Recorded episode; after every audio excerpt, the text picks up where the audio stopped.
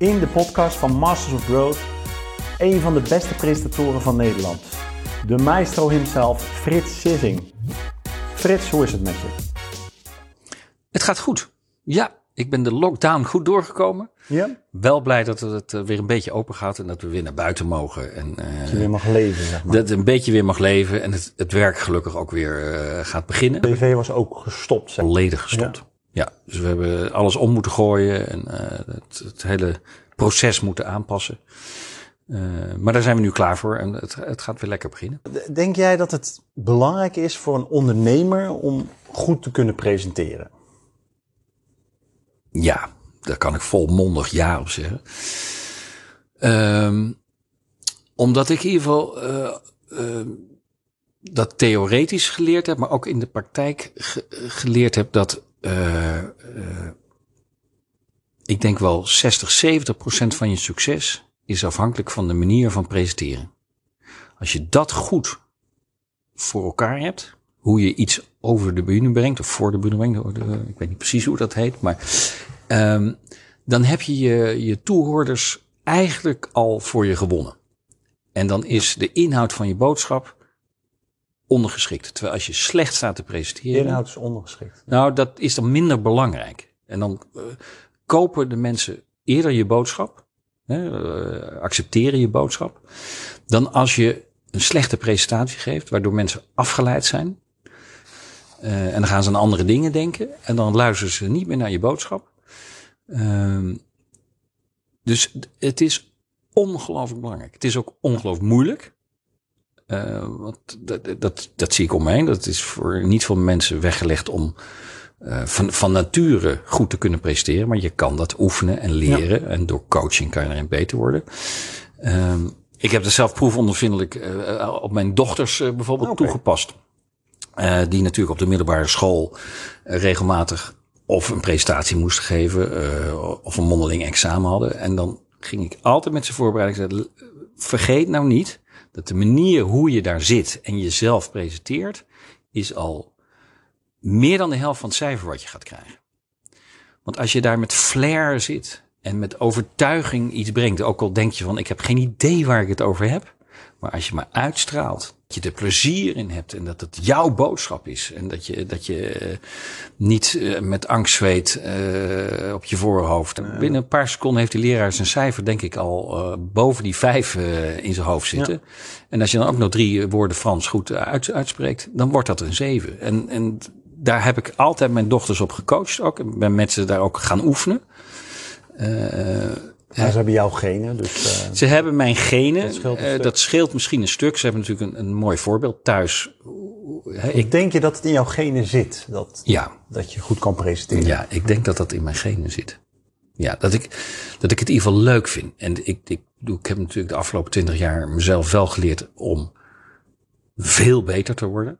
Als je het, uh, mijn eerste uitzending ziet of mijn laatste, dat is echt een dag en nacht verschil. Ja, want jouw eerste klus was bij AT5. Hè? Ja, de Amsterdamse uh, televisiezender, een regionale uh, tv-zender. Daar ben ik uh, toen ik 35 was, geloof ik, ben ik daar begonnen. Dus op late leeftijd. Ik, ik heb gewoon economie gestudeerd. Ik ben in het bedrijfsleven gaan werken. Ik ben marketeer van huis uit. Heb acht jaar lang in de zoetwaren gewerkt. En ja. was onder andere bijvoorbeeld verantwoordelijk voor alle rollen snoep in Nederland. King, Rang, Top Top, Stophoest. Uh, ja. Maar heb toch, op een gegeven moment besloten om, uh, om te kijken of ik uh, mijn droom achterna kon gaan. Uh, om televisiepresentator te worden. Maar ik werd ook vrij snel aangenomen om in het weekend het nieuws te presenteren in de hoofdstad van Nederland. En dan door de week werkte ik nog bij Ritmet Venco. Nou, dat heb ik gezien ook op in andere interviews. Dat jij, ja. jij werd snel aangenomen, maar ja. je ook snel ontslagen. ja, precies. Dat is best wel apart, want ze hebben je gezien. Toen ja, en ze, ze hadden het zelfs over een natuurtalent. natuurtalent, ja. ja, die term maar is zelfs gevallen. werd je toch binnen drie maanden eruit Ja, binnen drie maanden weer eruit gebonjourd. Want uh,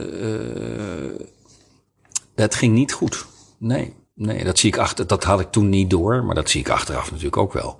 Maar AT5 was een organisatie en is misschien nog steeds wel een organisatie met weinig geld. Uh, dus er is weinig uh, mankracht voor begeleiding en coaching. Uh, dus hun filosofie is, we gooien je in diepe. En als je blijft zwemmen, dan blijf je lekker zwemmen en ja. blijf je erbij. Maar als je naar de bodem zakt, eh, ja, dan is het helaas pindakaas afgelopen. En in mijn geval zat er dus te weinig groei in, in die 16 keer dat ik het heb mogen doen. Maar goed, weet je, het, is, het, het, het was natuurlijk niet een eh, regionale televisiezender in een klein plaatsje. Het was wel de hoofdstad van Nederland. Best wel bijzonder dat je dan in principe zonder ervaring aangenomen wordt. Ja, maar kennelijk, eh, ik heb, hoe- ik heb natuurlijk een screentest Eh, gedaan. Begreep door jouw netwerk. Ja, door mijn netwerk.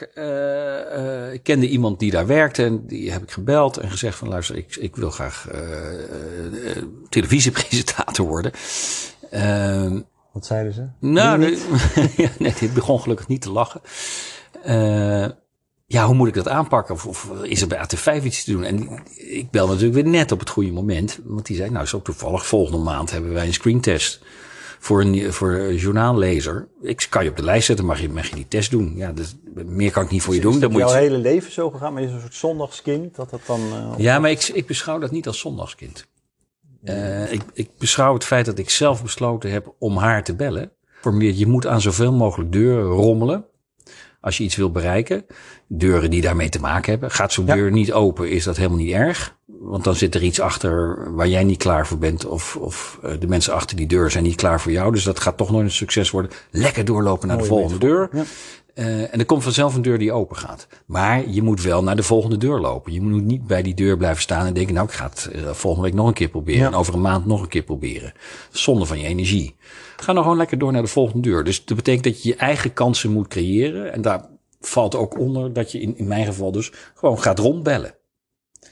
En je netwerk probeert aan te Ja. boren. En, en, en kenbaar wil maken. Dit, dit is de route die ik wil, op wil. Die kant wil ik op. Maar oké, eh, nou, je, je werd ontslagen. Ja, Je dacht van, nou, eh, misschien is het toch niks voor mij. hoe het bij mij in, dit geval werkte. Ik, ik was in dat zwembad gegooid, ik had gezwommen.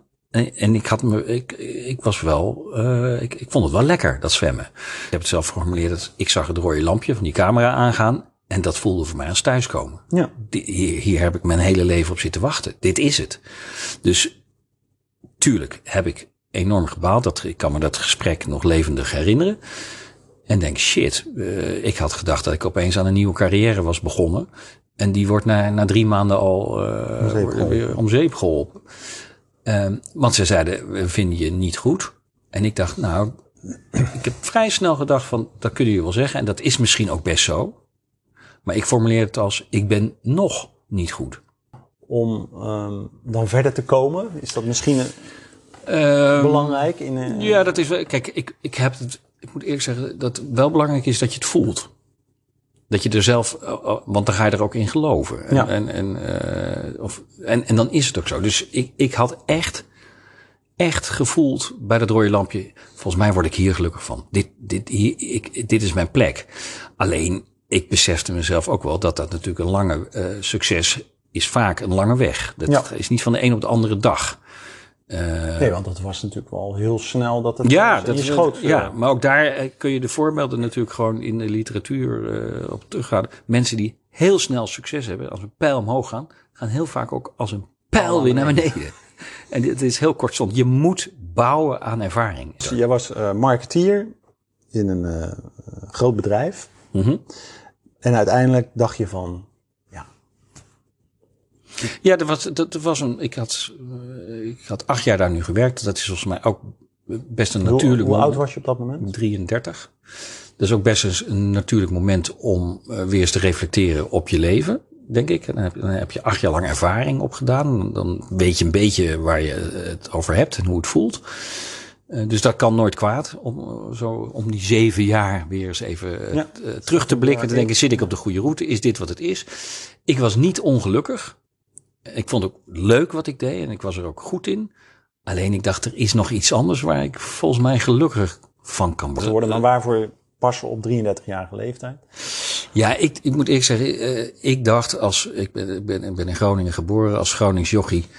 Eh, en, ik, en ik ga ze, hardop zeggen van ik wil graag grote shows op de nationale televisie eh, presenteren. En dan gaat iedereen heel hard lachen en zeggen, ja jochie, dat is, dat is goed. Dat is prima. Stimuleerde je ouders je? Of eh, Nee. juist niet? Of Nee, maar die hebben het ook niet, niet gestimuleerd. Maar ik heb het, nooit, ik heb het nooit geventileerd. Ik durfde het. Ik had de kracht toen niet om dat hardop te zeggen, denk ik. Dat was zo'n droom wat ik zelf had als ik op de bank zat en ik zat daarnaar te kijken. En ik dacht, dat, dat magische Hilversum, daar wil ik ooit terechtkomen. Maar ik durfde het niet hardop te zeggen, want ik dacht, dat vindt iedereen maar gek. Totdat ik 33 was en de kracht wel had om te zeggen, nou, dat is mijn droom. En, Dat is wel eh, bijzonder, toch? Dat ja. toch later... Ja. Ik heb voor mezelf toen geformuleerd van, als ik nou later eh, als, als opa met mijn kleinkind op schoot zit en die vraagt opa, waar bent u trots op? Ben ik dan trots op als ik zeg, nou ik was commercieel directeur van een zoetwarenfabriek of opa presenteerde vroeger grote shows op Nederlandse televisie? Ja, dat, dat antwoord was voor mij duidelijk. En toen dacht ik, en nu ga je er ook gewoon voor, punt. En eh, ook dat is, eh, heb ik wel weer gecontroleerd gedaan, moet ik heel eerlijk zeggen. Want ik heb daar eh, toen wel fundamentele gesprekken met mijn vrouw over gevoerd. Nee, nee, maar meer met, mijn- met mijn vrouw erover gesproken. Ik zei, luister, dit, dit is mijn Ja, droom. want je had natuurlijk een hele goede baan. ja, ik had een goede baan, leaseauto, noem het maar, net een huis gekocht. Dus Waren je kinderen al... ja. die waren er al wel. Ja. Nee, die waren er nog niet. Nee, sorry. Nee, die waren er nog niet. 95 waren nog geen kinderen. Nee. Ehm, dus ik heb wel met haar een, een, een, een, fundamenteel gesprek erover gevoerd. Van schat, dit is mijn droom. En wat ik zei ik wil het gaan doen. Nou, ik, had het nog, ik, ik heb het makkelijk voor haar gemaakt. In de zin, makkelijker. Dus ze geef me vijf jaar. Als ik over vijf jaar niet op de Nederlandse Dus televisie dat ben. Ze, dat ze er moeilijk over ging doen. Ja, tuurlijk. Ja? Ja, nee, ik, ik voel wel aan haar van we gaan een stapje terugzetten. Ik, het wordt een onzekere periode. Ja, en als alles lekker gaat, zit je daar natuurlijk niet op te wachten. zit je daar niet op te wachten. Dus ik zei, geef me vijf jaar. Als ik over vijf jaar niet op de Nederlandse televisie eh, ben, dan kan ik altijd weer terug de marketing in. Maar mag ik vijf jaar gaan, gaan proberen? Toen zei Maar ze, had je, had je die droom wel eens aan haar verteld? Nou, ik denk, zij wist, ik had natuurlijk, ik, ik had al wel toneel gespeeld, altijd op school en in mijn studententijd. En eh, ik had zangles en ik had, inmiddels was ik bij de, het amateurgezelschap van Jos Brink en Frank Sanders eh, musicals aan het, eh, aan het doen op het podium. Dus ze wist mijn, mijn artistieke ambitie, kende ze en dat, die vond ze natuurlijk ook hartstikke leuk. Daarom vond ze mij, mij ook leuk. Hè? Dus ze wist, ze wist dat. En je wilde altijd presentator worden? Of Nee. musicalster Nee. had ook gekund? Nee, dat had niet gekund. Nee. Eh, dat presenteren, dat, eh, het, het entertainen, mensen vermaken, mensen verbinden met elkaar. eh, dat, dat, dat vond ik eigenlijk altijd het leukste. Je werd aangenomen bij AT5 en toen had je nog wel je baan. Ja, ja dus in het weekend, presenteerde, dagen. in het weekend presenteerde ik het nieuws. Ja. En door de week werkte ik gewoon bij Red Venco. En heb je toen eh, ook, ook coaching gehad? Of, of Niks, je een nee, nee, nee, presentatiecursus? nee, niks. Helemaal niks. Gewoon Je dacht van, eh, ik eh, was dat varkentje wel even. Ja, dat dacht ik. Ja. Nou, dat, dat, dat, ging, dat was na 16 keer duidelijk dat dat natuurlijk niet goed ging. Nee. En, en toen, dus toen dacht ik van, ik, ik, ik moet het anders aanpakken. Ik, ik, ik laat me hier niet, nog niet door uit het veld slaan. Die vijf jaar zijn nog niet om. En ik heb mezelf vijf jaar gegeven. Dus, eh, maar wat doe ik verkeerd? Nou, een van de dingen die verkeerd is dat ik het eh, niet, eh, dat ik niet focuste erop. En er volledig voor ging. En, dus ik dacht, ik moet een andere baan kiezen. Maar goed, dus, dus, maar de baan die, waar ik op solliciteerde, dat werkte niet. want jij dacht van, ik wil bij televisie werken en dan kan Ja. ik... Ja, ik heb wat ik bij combi AT5 maken, had gemerkt was dat ik, ik had van, dan van zeven tot half acht eh, live gepresenteerd. En dan om half acht gingen de TL-lichten in de studio aan. En dan keek ik om me heen. En dan was iedereen al weg. Want het was weekend. En die mensen wilden ook gewoon lekker. Ja. En dan zat ik nog te shaken van de adrenaline. Eh, en ik wist niet wat een regisseur deed. En ik wist niet wat een editor deed. En ik wist niet hoe belangrijk een eindredacteur was. Dus ik, ik snapte niet hoe het systeem werkte. Eh, en met wie ik, eh, bij wie ik misschien wat coaching kon krijgen. Of met wie ik bevriend moest raken. Om te zorgen dat ze me wel leuk vonden. En me de kans zouden geven. Dus ik dacht, ik, ik moet die wereld leren kennen. Ik moet gewoon alle details, alle facetten van de televisie maken. Moet ik in mijn vingers zien te krijgen. Want anders weet ik niet waar ik, over, waar ik het over heb.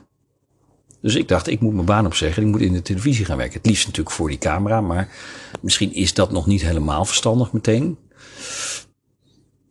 Maar toen solliciteerde ik dus eh, volledig op de verkeerde functies. Totdat iemand tegen me zei: Frits, je doet het ook niet goed. Want hè, jij, jij solliciteert op die instapfuncties, maar jij bent veel te oud en je hebt veel te veel ervaring en je verdient te veel.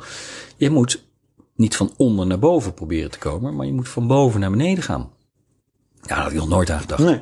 Het was een eye-opener. Omdenken. Omdenken. Ja, echt. Ik, ik, ik, ik, ik kan me nog herinneren dat ik volgens mij flabbergasted was. Dat ik echt dacht, wow, wat een idee. Dat is goed. Dus ik ben onmiddellijk op managementfuncties gaan solliciteren in televisieland. En werd ook binnen de kortste keren aangenomen. Want daar zat mijn ervaring. Ja. Toen dacht ik, nou, dan ben ik binnen. En dan ga ik vanzelf wel En waar werd je aangenomen? ik werd aangenomen bij IDTV, het productiemaatschappij van Harry de Winter. Onder andere de producent van Lingo en dramaseries als Pleidooi vroeger. Nou, daar heb ik acht maanden gezeten. Eh, was geen onverdeeld succes, maar dat kwam omdat IDTV geen commerciële producent was. Die zag, die zag dat John de Mol en Joop van Ende heel veel geld En wat, wat heb je daar geleerd dan, die, acht maanden? Eh, daar heb ik niks TV? geleerd. Om heel eerlijk te zijn. ik heb veel mensen leren kennen. Dat, is, dat was belangrijk. Hè? Dus, want dat is ook een aspect wat belangrijk Ja. is als je succes wil hebben. Netwerken bouwen. Veel mensen leren kennen. Je kan ze altijd op een keer ergens, kun je elkaar helpen. Ja. Dus daar ben ik, eh, dat is denk ik het belangrijkste wat ik bij IDTV eh, heb overgehouden. Eh, hoewel, nee, dat zeg ik nou wel weer zo makkelijk. Ik zat natuurlijk ook in een soort managementvergadering waarbij formatontwikkeling besproken werd. En na acht maanden belde AT5 mij weer op. En die zei, ja Frits, het is misschien gek, we bellen niet of je wilt terugkomen om te presenteren, maar we zoeken een manager voor, voor een productie wisten dat jij dat, unit. En ze hadden me misschien niet gebeld als ik nog bij Red Venco had gewerkt. Het hielp natuurlijk toch weer dat ik al in die televisiewereld nu zat. Ja. En toen dacht ik, dat, dat is top. Want daar als, als manager, manager van een productieafdeling. Ik moest eh, eh, eh, aansturen dat de formats ontwikkeld werd. Dat er een begroting werd gemaakt. Dat een team werd samengesteld. Dat ik het, ik moest het zelf verkopen op de Amsterdamse markt. Eh, en dat het dan vervolgens het product gemaakt werd. De klant tevreden was. Het, het programmateam blij was. En dan gingen we het uitzenden op AT5. Dus ik dacht, dit is dé manier om dat vak te leren. En dat heb ik eh, drie jaar lang gedaan. Ik heb mezelf ook de rust gegeven om die droom even te parkeren. Drie jaar lang dat vak te leren. Nou, ik, ik heb mijn netwerk uitgebreid in dat jaar. Ik, heb, ik, ik kon, ik wist precies hoe een programma in elkaar zat. Hoeveel cameramensen je nodig had, hoeveel redactie Hoe de presentator, daar, je, daar zoomde je waarschijnlijk eh, veel op in. Of, eh, Ja, dat viel nog wel mee. Want ik heb er. nee. Ik, ik dacht eerst, ik moet allround worden in dit vak. Dat ik, dat, dat, dat ik weet waar ik het over heb. En, en dat straal je dan vanzelf ook wel weer uit waarschijnlijk. Dat je, ja, ja, maar best wel bijzonder, want dan heb je drie jaar lang je rustig gehouden. ja, En je dacht van, ja. En, En de, grap, daarna en de, van, de grap was, ik zat in het managementteam van AT5. En die kon het niet nalaten om bijna elke vergadering toch wel er weer even een grap over te maken. Te zeggen, Frits, Over ja, jouw we weten, je je wil graag Oh. op tv, maar dat gaat niet lukken. Nee. Dat, dat, dat weten we nog wel, dat wordt niks. En ik bij meelachen. en, Nee, tuurlijk jongens, prima. Het was voor jou prima. misschien een trigger van, eh, Maar dat kom nog wel. Ja, kon nog wel. En na drie jaar... eh, Maar heb je in de tussentijd dan, want jouw focus lag op presenteren? Mhm. heb je dan een coach of, of dat niet? Of nee, nee, ik heb niets aan presenteren. van, eh, Ik, ben, eh, ik heb wel zangles genomen. Eh, en ik ben blijven acteren bij, bij Frank Sanders, zijn amateurgezelschap. Omdat je dat ook helpt te leren performen. En ja, met je lichaam te bewegen. Goed te comfortzone, denk ik, bewegen. ook te komen. Ja, dus ik ben, ben buiten de televisie om wel bezig gebleven om mezelf dingen aan te leren die je als presentator eh, kunt gebruiken. ja. En na drie jaar eh, had ik een programma geproduceerd eh, met Ad Schaafzande. Dat was een oud VPRO-presentator. Die had dat programma gepresenteerd. En ik zat dat het programma met hem te evalueren bij mij op kantoor. En toen heb ik tegen Ad gezegd, als eerste weer, na drie jaar... God, ik zit hier nou wel leuk als producent jou te beoordelen. En, en, en, ik had liever natuurlijk dat programma zelf willen presenteren. Hij was oud hoofdredacteur van AT5, eh, oud eh, presentator bij VPRO. En hij zei tegen mij, god, ja, ik kan het vaag herinneren dat je drie jaar geleden dat nieuws hebt gepresenteerd. Het was niet goed, maar je hebt wel iets. Nou, en we gaan weer uit elkaar. En een maand later gaat de telefoon. Ik ben directeur geworden bij de AVRO. En ik heb een probleem op locatie bij opsporing bezocht. Ik kan me nog herinneren dat je vorige maand zei dat je zo graag wil presenteren. Wil je een screentest doen? En heb je dat verhaal dat je wilde presenteren dan vaak naar voren gebracht? Dat, dat je dacht van hoe meer mensen dat horen. Nee, die, die drie jaar niet. Daar heb ik, heb ik me echt stilgehouden. Ik dacht van, ik, ik, ik ga pas hier weer mee naar buiten. Als ik het vak ken. Als ik weet waar ik het over heb. Ja. Weet welke elke functie er betrokken is bij een, een programma. Wie wat is. Zodat ik gewoon eh, met verstand van zaken overkom. We willen gewoon infiltreren, zeg maar. Ja, in het, eh, nou ja, het is een soort van Ja. infiltreren, ja. In ieder geval mijn zaakjes goed voorbereiden. Dat is natuurlijk ook belangrijk. Dat je weet waar je te, hè, voor ondernemers, ken je markt. Dus als jij alle details kent, kan niemand jou maar iets wijs Nee. maken. Dus, en, en dat straal, ga je dan ook uitstralen. En dat heeft dan weer met je presentatie te maken. En dan raken mensen van je onder de indruk. En die denken, zo, die weet veel. Nou, dan heb je, heb je alweer Toen had je die screentest bij opsporing. Screentest. Ja, en toen werd ik aangenomen.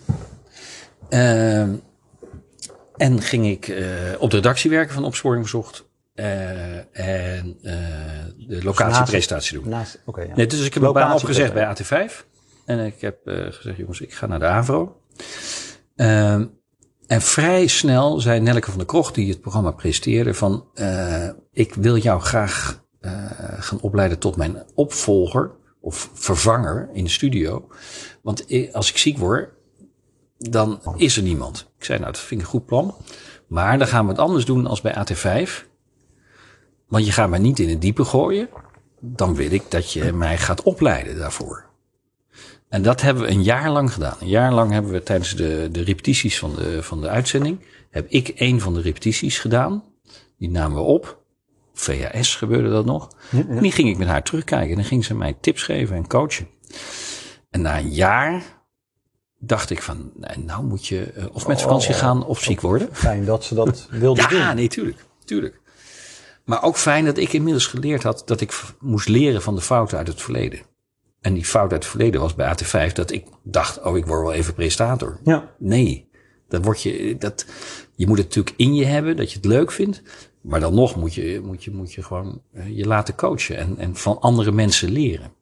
En daarvoor openstaan. Dus zij heeft mij een, een jaar lang gecoacht. En toen zei ze, Frits, volgens mij ben je er klaar voor. En dat, die gedachte had ik ook al heel lang. En, en toen zei ze, dan ga ik lekker deze zomer met vakantie, mag jij het overnemen. Ehm, dus dat, toen heb ik het in de zomer, eh, ik geloof zes of acht keer, heb ik de studiopresentatie gedaan. Eh, en dat ging goed. Natuurlijk wa- is er nog, was er nog heel veel op aan te merken, maar... eh, Kreeg je nou ook kritiek? En eh, ehm, volgens mij ga je daar wel goed mee om. ja, ik- kijk, weet je. Ik, ik vind echt dat je daarvoor moet openstaan, omdat je ervan leert. En kritiek heeft, eh, eh, als je het, je moet het nooit te persoonlijk opvatten. Dat je het niet beschouwt als kritiek op ik als mens, Ja. maar op iets wat ik doe en kan. En waarin ik altijd beter kan worden. Dan sta je er open voor en dan pik je eruit waarvan je denkt, ja, daar heb ik wat aan. Dat kan ik de volgende keer eh, weer eens gaan proberen. Kijken of dat beter is. Altijd terugkijken, alles terugkijken. Heel kritisch naar jezelf kijken van, nou, hoe komt het over? Heb ik, eh, welke fout maak ik nu nog? Heb ik dat nou, ga ik nou, de volgende week ga ik dat eens weer even anders doen en proberen. En zo zet je kleine stapjes.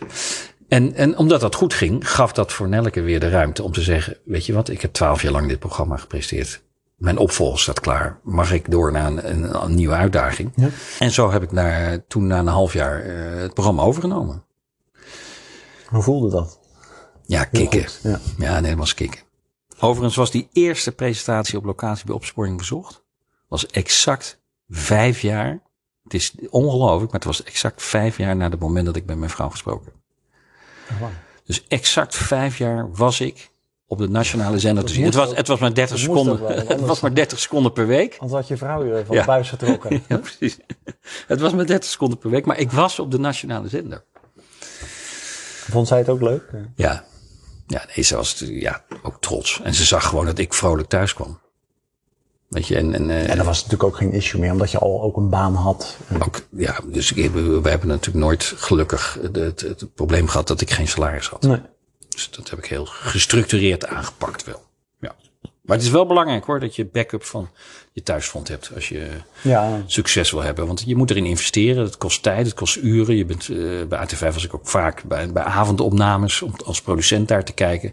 Ja, dan moet het thuisfront wel zeggen, joh, eh, ik vind het niet erg dat je er vanavond weer niet bent. nee. Bij wijze van spreken. Dus dat is, eh, dat is ook een part of the succes. En toen had je dat succes. Ja, En dat voelde heel goed. En had je gelijk zoiets van, ja, maar nu stoot ik ook gelijk door? Nee. Dat komt door twee dingen. Eén, uh, Nelleke heeft altijd tegen mij gezegd, vanaf het begin af aan, Frits, ik weet wat jouw ambitie is. Zij wist dat ik grote shows wilde presenteren. Maar, zei ze, luister nou naar een grand old lady met heel veel ervaring. Neem je tijd. Ga nou niet over een jaar al meteen bij je baas aan zijn bureau zitten en zeggen, nu ben ik klaar voor die grote show. Bouw, bouw, bouw aan ervaring. Rustig, rustig, rustig. Maar ben je van jezelf al een geduldig type? Of? Nou, dat ik me heel goed realiseerde dat ze gelijk had. Ja. En, en, en als je, ja, zo heb ik het even ervaren. Ik, ik, ik, zo kwam het ook bij mij binnen. Van ik moet rust hebben. Ik moet mezelf de rust gunnen, wil ik succes hebben. Dus ik heb dat, ook, ook dat volgende plan weer even gewoon op de achtergrond gezet. En gezegd, ik stort me hierin. Ik ga hier zoveel mogelijk leren. En dan komt, ik voel vanzelf weer een moment komen. Ja, ik zie dan toch een soort patroon. Ja. Stort je ergens in. Ja. ja. Je denkt niet aan uh, de toekomst. Nee. In het nu, zeg maar. Ja. ja, en daar heel goed in worden. En dan komt vanzelf die volgende stap. Daar geloof ik heilig in. Ja. ja. En die kwam na een jaar of zes. Want toen, toen uh, ik, tuurlijk heb je in die tussentijd uh, ook daarin weer belangrijk netwerken bijvoorbeeld toch zorgen dat mijn bazen een, een, een, bepaalde indruk van me hebben. Dat ze op een gegeven moment openstaan om mij een andere kans te geven. Ja. He, om maar eens en vertelde je dan ook tegen je baas, ja, ik, ik vind dit heel leuk, maar ik wil uiteindelijk... Ja, na een jaar of vijf ben ik dat gaan doen. Toen ben ik wel over gaan praten van jongens, zit er nog meer in? Wat, wat zou er kunnen? Uh, nou ja, en, en, en toen heb ik een paar kleine kansjes gekregen die aangaven dat, dat ik meer kon andere programma's waar ik mocht invallen. Ja. En zo hebben we dat langzaam weten uit te bouwen naar, naar mijn droom. Die uiteindelijk uh, ingevuld is. Toen, kwam, uh, toen kwamen de amusementsprogramma's. Uh, wat, was de, wat was de eerste? De eerste was de musical Singalong op de Uitmarkt. Het was nog maar een eenmalige uitzending. Eén keer per jaar was dat. Maar wel live vanaf de, mijn eerste uitzending was vanaf de Dam in Amsterdam. 5000 man voor mijn neus. Samen met uh, Tooske presenteerde ik dat. Ben je dan zenuwachtig? Ja, die eerste keer wel. Ja. En hoe krijg je dat onder controle? Wat je leert uh, en uh, wat je moet oefenen. Je mag, je moet altijd blijven lachen als je presenteert. Ook al ga je van binnen dood. Ja. En ik ben, ik ben echt wel een paar keer uh, bij wijze van spreken dood gegaan. En dat mijn vrouw achteraf zei, ah, ging goed. Ik zei, nou, ik ben, ik ben nu drie keer gestorven. Zij is niets van gezien. Niets van gezien. Nee, omdat je leert. Maar heb je dan nooit de gedachte van waarvoor wil ik dit eigenlijk? Ja, maar het is niet, nee, ja, dit, die kick is, is, zo lekker. Het is volledig uit je comfortzone dan. Ja. En dan ja. is de overwinning. Ja, nee, ik heb dat nooit gedacht. Nee, het, het, was elke keer weer een nieuwe ervaring waar ik van kan leren. En kijk, in, inmiddels ben ik na twintig jaar heb ik het, het vak zo in mijn vingers. Dat ik natuurlijk best af en toe nog gespannen ben, maar volop van genieten ook. Omdat ik precies weet wat ik aan het doen ben. En, en, en wat er kan gebeuren en hoe ik daar moet reageren. Daar in het begin op die, op die dam. Ja, ik, ik weet nog dat ik euforisch van het podium afkwam, vol adrenaline. En Joop van den Ende op me afstapte afstapte en zei, nou, je hebt het goed gedaan, alleen volgend jaar vergeet niet dat je het voor de kijker thuis doet. Nou, dat was even schrikken. Want ik, ik had mezelf helemaal verloren, bij wijze van spreken, door al die mensen die daarvoor stonden en maar stonden te juichen en te klappen en weet ik veel wat. Dus dat was bijvoorbeeld dan weer een hele wijze les. Uh, die ik van, King of the World en uiteindelijk uh, ja, van, met van Joop kreeg. Van, hup, meteen weer terug op de grond. Je bent. Denk je dat hij dat expres deed? Of? Nee. Het was gewoon echt puur. Uh, ja, nee, de, de, hij is ook een vakidioot natuurlijk. Ja. Dus hij ziet dat en denkt dat moet ik die jongen meegeven. Dit broekie. En toen heb je later teruggekeken en toen dacht je, oh ja. Ja, ja. En, en, en dat heeft me nog wel uh, een, een uitzending of drie, vier gekost voordat ik dat echt ook weer onder controle had. Dat ik me niet liet meeslepen door het publiek. Want het, dat is toch iets geks als je daar op de, op de Dam of op het Museumplein staat en er staan 5000 man uh, te gillen. Dat, elke keer, weer- dat je jezelf elke keer weer terug moet halen. Nee, wacht even, wacht even. We zijn televisie aan het maken. Dat betekent alleen die mensen thuis in dat cameraatje, die willen aangesproken worden. En die moet ik enthousiasmeren. En die moet ik in die uitzending zien te trekken. Deze mensen hier op de plein, die, die, die zijn al enthousiast. toch wel, Die vermaken zich toch wel. Eh, maar dat vind ik dus een uitdagend proces. En dat vind ik het ook niet erg dat het, eh, het jaar twee nog niet helemaal lukt. Maar dat het al iets beter lukt dan jaar één. En jaar drie lukt het nog beter. En jaar vier is het bij wijze ja, dan zit hij erin en dan gaat het automatisch. En, en je kijkt alles terug, maar doe je dat nu nog steeds? Of? Ja. ja. Nog steeds. Ja, kijk. En ook om te leren of gewoon puur om even te kijken? Nou, weet je, twee dingen. Het gekke is dat eh, ik nog steeds na een presentatie, als die afgelopen is, niet weet of ik het goed gedaan heb. Want dan zit ik, ik zit zo in een flow en ik doe wat ik denk dat ik moet doen, maar ik zie mezelf niet. Dus ik heb elke keer ben ik toch, on- ben je toch een soort van onzeker even van, heb ik het goed gedaan? En dan kijk ik terug en denk ik, waar, waar maak je nou zorgen om? Ja. Je straalt, je, dat, eh, je hebt er lol in, je hebt er plezier in. Ik zie dat je weet wat er gaat gebeuren. Eh, je speelt met, met de kandidaten bij Maestro bijvoorbeeld. Je speelt met de jury, je speelt Ja. met het orkest. Eh, eh, dus ik heel eerlijk zeg, dan kijk ik inmiddels met trots terug en denk van ja, je hebt, je hebt ongelooflijk veel geleerd. En want waar, op welk programma ben je het meest trots? Nou, het meest geleerd heb ik bij Op zoek naar. Dat was de, de musical eh, talentenjacht. Mary Poppins, Evita, Joseph. Ja, want daar heb je natuurlijk heel veel interactie met... Ja, en daar heb ik echt coaching gehad. Gewoon stond er één op één coaching.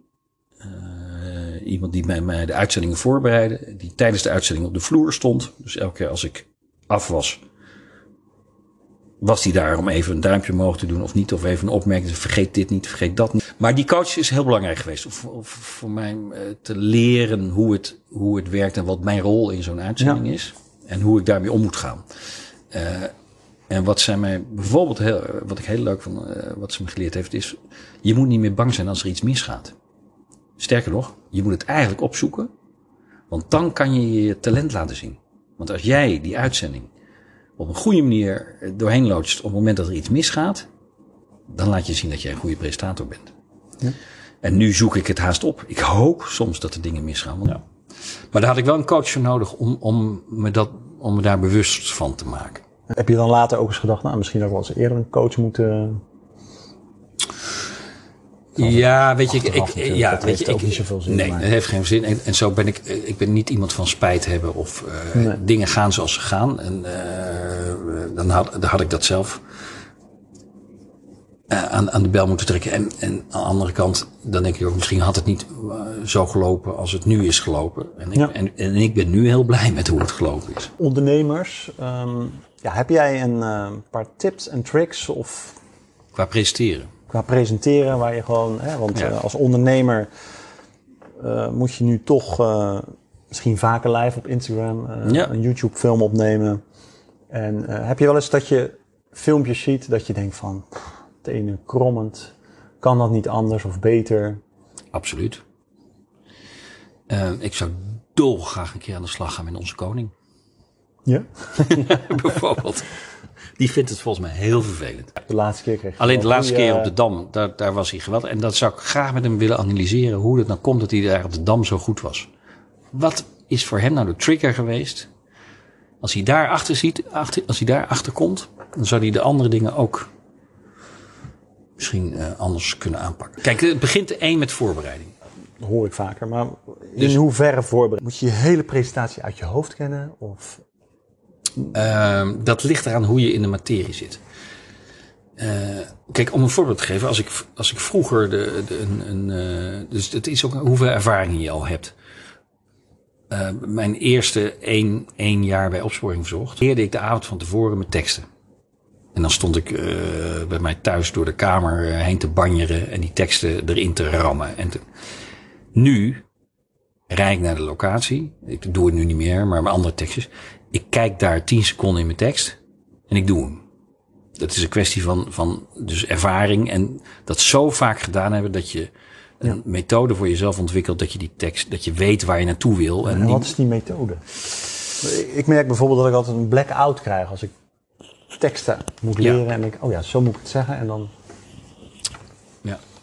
Dus je dat of is het eh, er helemaal jawel, last van? jawel, dat, dat, dat, eh, ik heb er niet vaak last van, gelukkig. Ik heb het één keer gehad, blackout. Eh, mijn eerste blackout was bij een, eh, eh, een uitzending vanuit live vanuit Den Haag, waar de koningin volgens mij aanwezig was. Je voelde extra Klassieke druk. muziek, ja. ik voelde extra druk.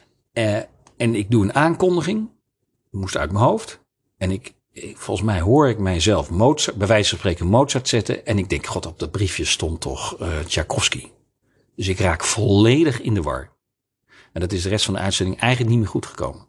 Die kijker heeft het helemaal niet door, hè? Nee. Nee, dus dat is eigenlijk de belangrijkste tip. Eh, Als je dan maar enthousiast blijft, energie overbrengt. Precies. Kijk, die, wat ik altijd tegen mensen zeg, die moeten presenteren. De toehoorders weten niet wat jij gaat zeggen. Dus alles wat je zegt is voor hun goed. Als jij iets vergeet, zij weten niet dat je iets vergeet. Nee. Zeg je iets verkeerd, zij weten niet dat je. Dus je moet jezelf dat gaan aanleren, het vertrouwen dat je je daar dus niet meer druk om hoeft te maken. En dat dus weer veel belangrijker is dat je dat enthousiasme overeind houdt en blijft lachen. Want dan verkoop je die boodschap. En dan maakt die boodschap dus niet, een stuk minder uit. Dus die, dat, dat zou je rust moeten geven. Dat jij, eh, dat je, je gaat beseffen dat alles wat je doet goed Wat is. je zegt, de show must go on. Nergens over nadenken. Blijf stralen. Blijf energie geven. Maar als je even, even de weg kwijtraakt, maakt dat niet uit. Want dat hebben de mensen helemaal niet door. Ja. Ze mogen het aan je, mijn gezicht nooit zien. Nee. Want dan hebben ze het ook niet door. Kijk, als ik eh, opeens heel erg kampachtig gaat zitten kijken en eh, gekke bekken gaat trekken en denk, oh shit, of eh, angstig ga kijken, ja, dan denken ze, er is wat aan de hand. Terwijl als ik blijf lachen en stralen, dan denken ze, nou, zal wel. Ja. En dat is de eerste keer heel lastig. En, en, maar, maar, maar, maar dat is gewoon. Maar ah, je, het gaat als eerste omdat je dat beseft. En als je dat binnen kan laten komen, dat je die angst dus niet hoeft te hebben. Nou, dan, dan maak je al zo'n sprong. Misschien een voordeel dat je goed teksten kan leren. Dat is natuurlijk een voordeel. Heb je, heb je dat, dat je goed teksten kan leren? Ja, ik kan goed teksten leren. En dat je moet kunnen, eh, kunnen multitasken. Ja, dat heb ik denk ik wel geleerd. Kijk, het- Ervaren, ja. Ja, dat is ook ervaring. Maar ik zou, ik zou bijvoorbeeld ook heel snel aan lichaamshouding gaan werken. En dus dat, daar straal je natuurlijk heel veel mee uit. En me- heel vaak heb je niet door wat je doet. Dat registreer je zelf niet. Hè? Je, er zijn mensen die misschien twintig keer aan hun oor zitten te vriemelen tijdens een presentatie. Maar dat heb je zelf helemaal niet door. Dat je achteraf zegt, heb je wel door dat je aan je oor zit de hele tijd. Het is belangrijk of om terug te kijken of het van tevoren met iemand te oefenen. Je moet het, hè, dat zeg ik ook altijd. Het, het is, je, dat bedenk ik nu weer, maar dat oefenen is ook zo belangrijk. Omdat het voor heel veel mensen heel gek is om zichzelf te horen. Dus wat, wat er vaak bij mensen gebeurt, is als ze presenteren, dan, dan gaan ze zichzelf opeens registreren qua stem. Oh, zeg ik dit wel goed? Is het wel goed? Dus als je dat nou oefent, tien keer, hardop, het liefst met iemand erbij, zodat je door die Misschien jezelf opnemen. dat, kan, dat is nog beter natuurlijk. En dan met, het, mooiste is dan met een coach die ook nog aanwijzingen kan geven. Ja. Maar het is heel belangrijk om je verhaal zelf al gehoord te hebben in het bijzijn van andere mensen.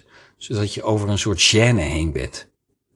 Heel veel mensen vinden het heel gek dat ze opeens hardop te horen zijn. Ja, dat kun je heel makkelijk voorkomen door het gewoon tien keer hardop van Ja, tevoren te veel doen. mensen vinden het natuurlijk heel vervelend. hè. Dat is volgens mij een van de grootste angsten van de mens. Dat je op camera bent, dat je je stem hoort. Ja. Ja, nee, dat, dat, dat heb, ik- waar je doorheen moet heb ik ook al honderd keer meegemaakt. Mensen die off-camera de, de grootste mond hebben. En de, dat je denkt van nou, die gaat staan en die doet zijn dingetje. En we zijn over tien minuten weer weg. En die camera gaat aan en ze klappen helemaal dicht. Maar dan zijn ze zich dus te bewust van die camera. En eh, heb je daar een tip voor, hoe, hoe je daarmee om kan gaan? Ja, eh, waarschijnlijk denk alleen maar aan die toehoorder. Tuurlijk vaak doen helpt altijd. Maar ook weer, eh, eh, wat vaak dan, die mensen worden te bewust van wat ze zeggen. En die willen het goed doen. Maar die toeschouwer weet toch niet wat goed is. Dus alles wat je doet is goed. Dus blijf relaxed. Of netwerk? Ik geef lezingen over, over eh, wat kan bijdragen aan succesvol zijn. Dan geef ik acht tips. En één daarvan is bijvoorbeeld, netwerken. Dat doen we allemaal, netwerken. Maar de vraag is of je het goed doet. Het belangrijkste is namelijk dat je netwerkt met een open mind.